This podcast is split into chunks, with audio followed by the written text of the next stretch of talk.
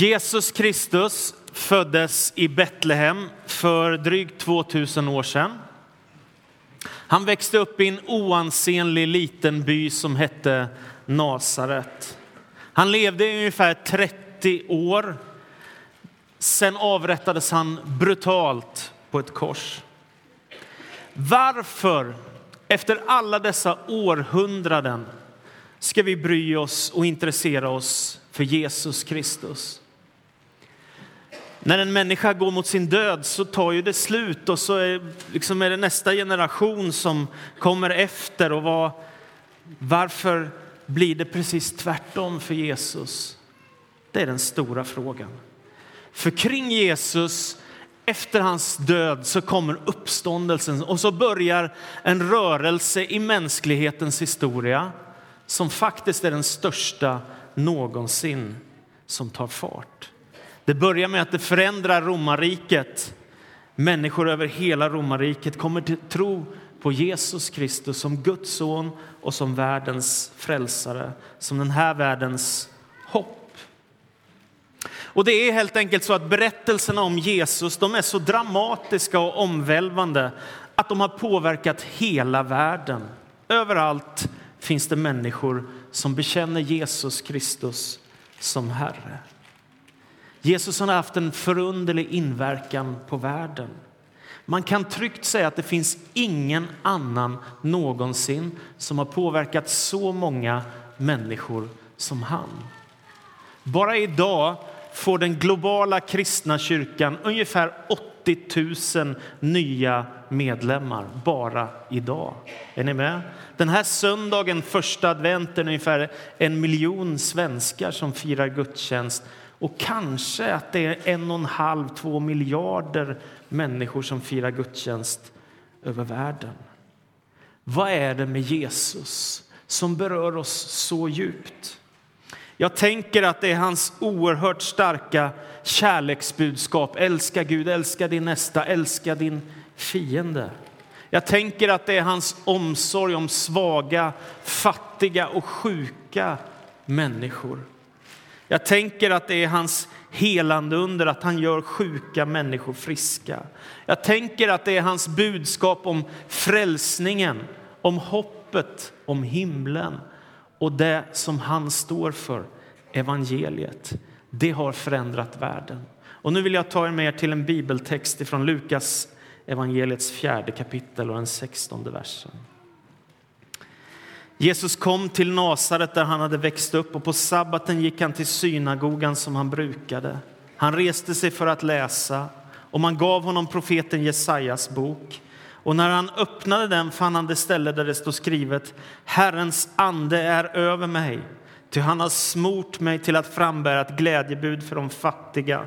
Han har sänt mig att förkunna befrielse för de fångna och syn för de blinda, att ge de förtryckta frihet och förkunnat nådens år från Herren.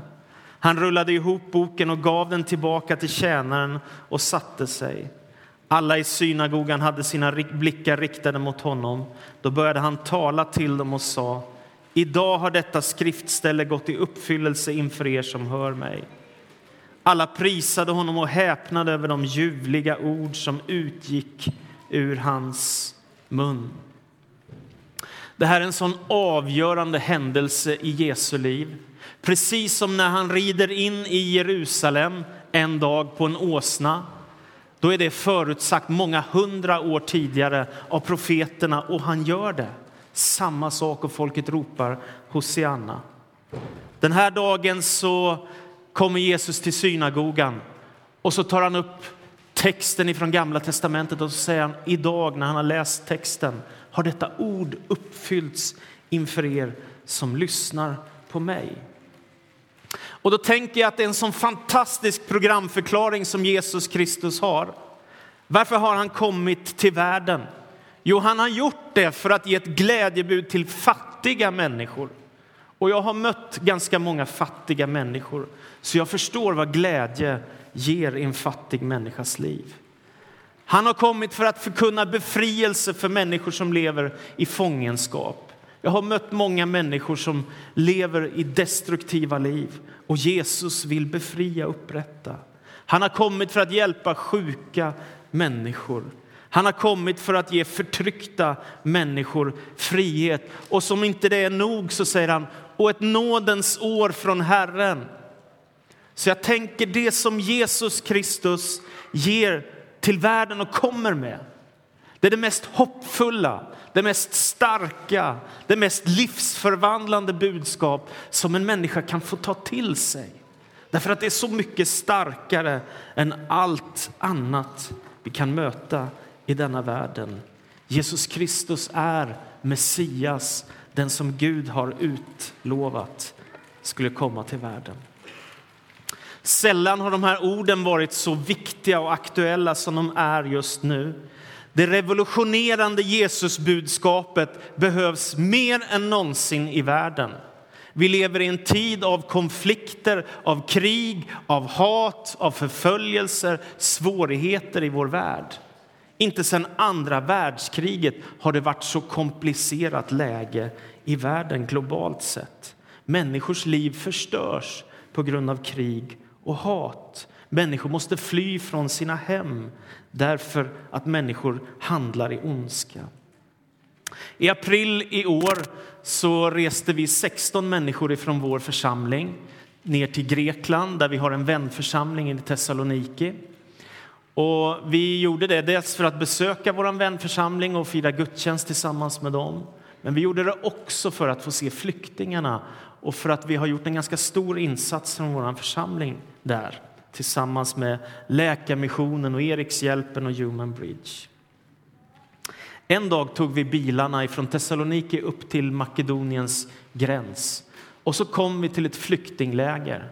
Och där fanns det ungefär 14 000 människor som bodde i små enkla tält på åkrar i en väldigt liten by som heter Idomeni i norra Grekland. Och så kom vi fram till gränsstaketet vid all taggtråd och där det fanns soldat, någon soldat på andra sidan som satt och vaktade. Där mötte jag och några av mina vänner en pappa med sin lilla flicka som inte kom vidare nu, utan nu var det stopp. Nu var det färdigt på den här resan och de bad oss om hjälp. Och att se den där lilla flickan stå vid ett taggtrådsstängsel kanske fyra år gammal och inte veta vad som ska hända framöver. Att ha tvingats på flykt för att andra vuxna människor har betett sig oansvarigt. Det fastnade. Jag kommer bära med mig den bilden resten av mitt liv och jag kommer undra hur ska det gå för den där lilla flickan. Men därför är jag också så tacksam att vi som finns här kan göra skillnad jag hade ingen aning om för ett år sedan, när här svårigheterna drog igång, lite drygt för ett år sedan, att vi skulle få vara med och göra en sån stor insats från vår församling. Tack vare att vår församling ansträngde sig, hittade samarbete med Läkarmissionen, Erikshjälpen, Human Bridge, vår second hand-butik och så vidare så har hon ungefär 100 ton med hjälpsaker av medicin, vatten, kläder, skor och andra saker skickats ner med lastbilar ner till Grekland för att hjälpa flyktingarna. En av de finaste sakerna jag var med om när vi var där det var en av mina vänner som jag gick tillsammans med som delade ut lite mat och lite nötter till människorna som var i flyktinglägret. Och så kom de till ett litet barn och så gav de henne, en liten flicka, lite mat och lite nötter. Och sen så efter en kort stund så kommer den här flickan tillbaka med sin lilla syster. Och så håller hon sin lilla syster i famnen så här. Och så kommer hon fram till min vän som har gett henne lite mat och lite nötter. Och så vill hon pussa henne på kinderna och tårarna börjar rinna. Och sen kommer en liten pojke springande med lite nötter som han har fått. Och då vill han dela med sig av nötterna som han har fått. Han som inte har någonting och som bor i ett litet tält. Jesus sa att han kom med ett glädjebud till fattiga människor. Han sa att han kom för att förkunna befrielse för fångna människor. Han sa att han kom för att ge blinda sin syn, att ge förtryckta frihet och förkunna nåd ifrån Herren.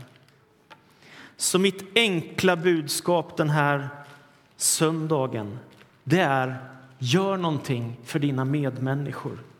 Den kärleksrörelse som Jesus startade för 2000 år sedan, den är tänkt att fortsätta till dess han kommer åter. Gör någonting för dina medmänniskor. Det kan vara en sån enkel sak som bara var vettig när en gammal dam kommer vid ett trafikövergång och behöver hjälp så kan du hjälpa henne över vägen. Det kan vara att besöka farmor eller mormor som du inte har gjort på väldigt, väldigt länge. Det kan vara att ta hand om ett barn som behöver hjälp, som har det svårt i skolan. Det kan vara att ge lite mat till någon som sitter och tigger. Det kan vara att engagera sig internationellt hjälparbete. Det kan vara att ge bort lite av sitt överflöd av sina pengar till människor som har det svårt. Bara gör någonting. Snälla, gör någonting. Det finns 65 miljoner människor som är på flykt. Det behövs insatser från oss som finns i den här rika delen av världen. För några veckor sedan fick jag ett sånt här brev hemskickat till mig. Det stod önskelista. Och önskelista som ni hörde förut, det kan ju vara ganska fina saker vi önskar i Sverige. Här stod det på den här önskelistan mat till mamma och mig. Två, medicin till farfar. Tre, att få komma hem. Ett litet barns önskelista i den tid vi lever i nu. Om den här världen ska bli lite bättre då behövs det mer kärlek. Och kärlek måste alltid leda till handling. Det går inte bara att gå och längta och drömma och tycka och känna. Utan man måste göra någonting. Och när man gör någonting så förändras andra människors liv. När människor får upptäcka vem Jesus är, att han är frälsaren, Guds son och vägen till Gud. Eller att människor får hjälp med mat och kläder och mediciner eller att bara det där vanliga, att bry sig om familj och vän och släktingar och vad det nu är. Jesus kom för att befria de fångna, hjälpa de sjuka, befria de förtryckta och förkunna nåd och förlåtelse från Herren. I den här tiden behövs det människor som förstår att det viktigaste som finns det är att älska och praktisera kärlek i handling. Det kan förändra världen. Det må hända att det finns mycket krig och hat men det finns ännu mer kärlek, värme och hopp och inte minst om man tar Jesus på allvar. Amen. Gud, jag ber att du ska förbarma dig. Och jag tänker också på dem vi har samlat in pengar idag som kämpar med hiv och aids i Kenya. Tack för att vi får hjälpa till. Tack för att vi får göra skillnad i människors liv. Och jag ber Gud att du ska välsigna var och en av oss nu i advents och jultiden, att vi får öppna våra hjärtan för evangeliet men att vi också får hjälpa andra människor som har så oändligt stora behov.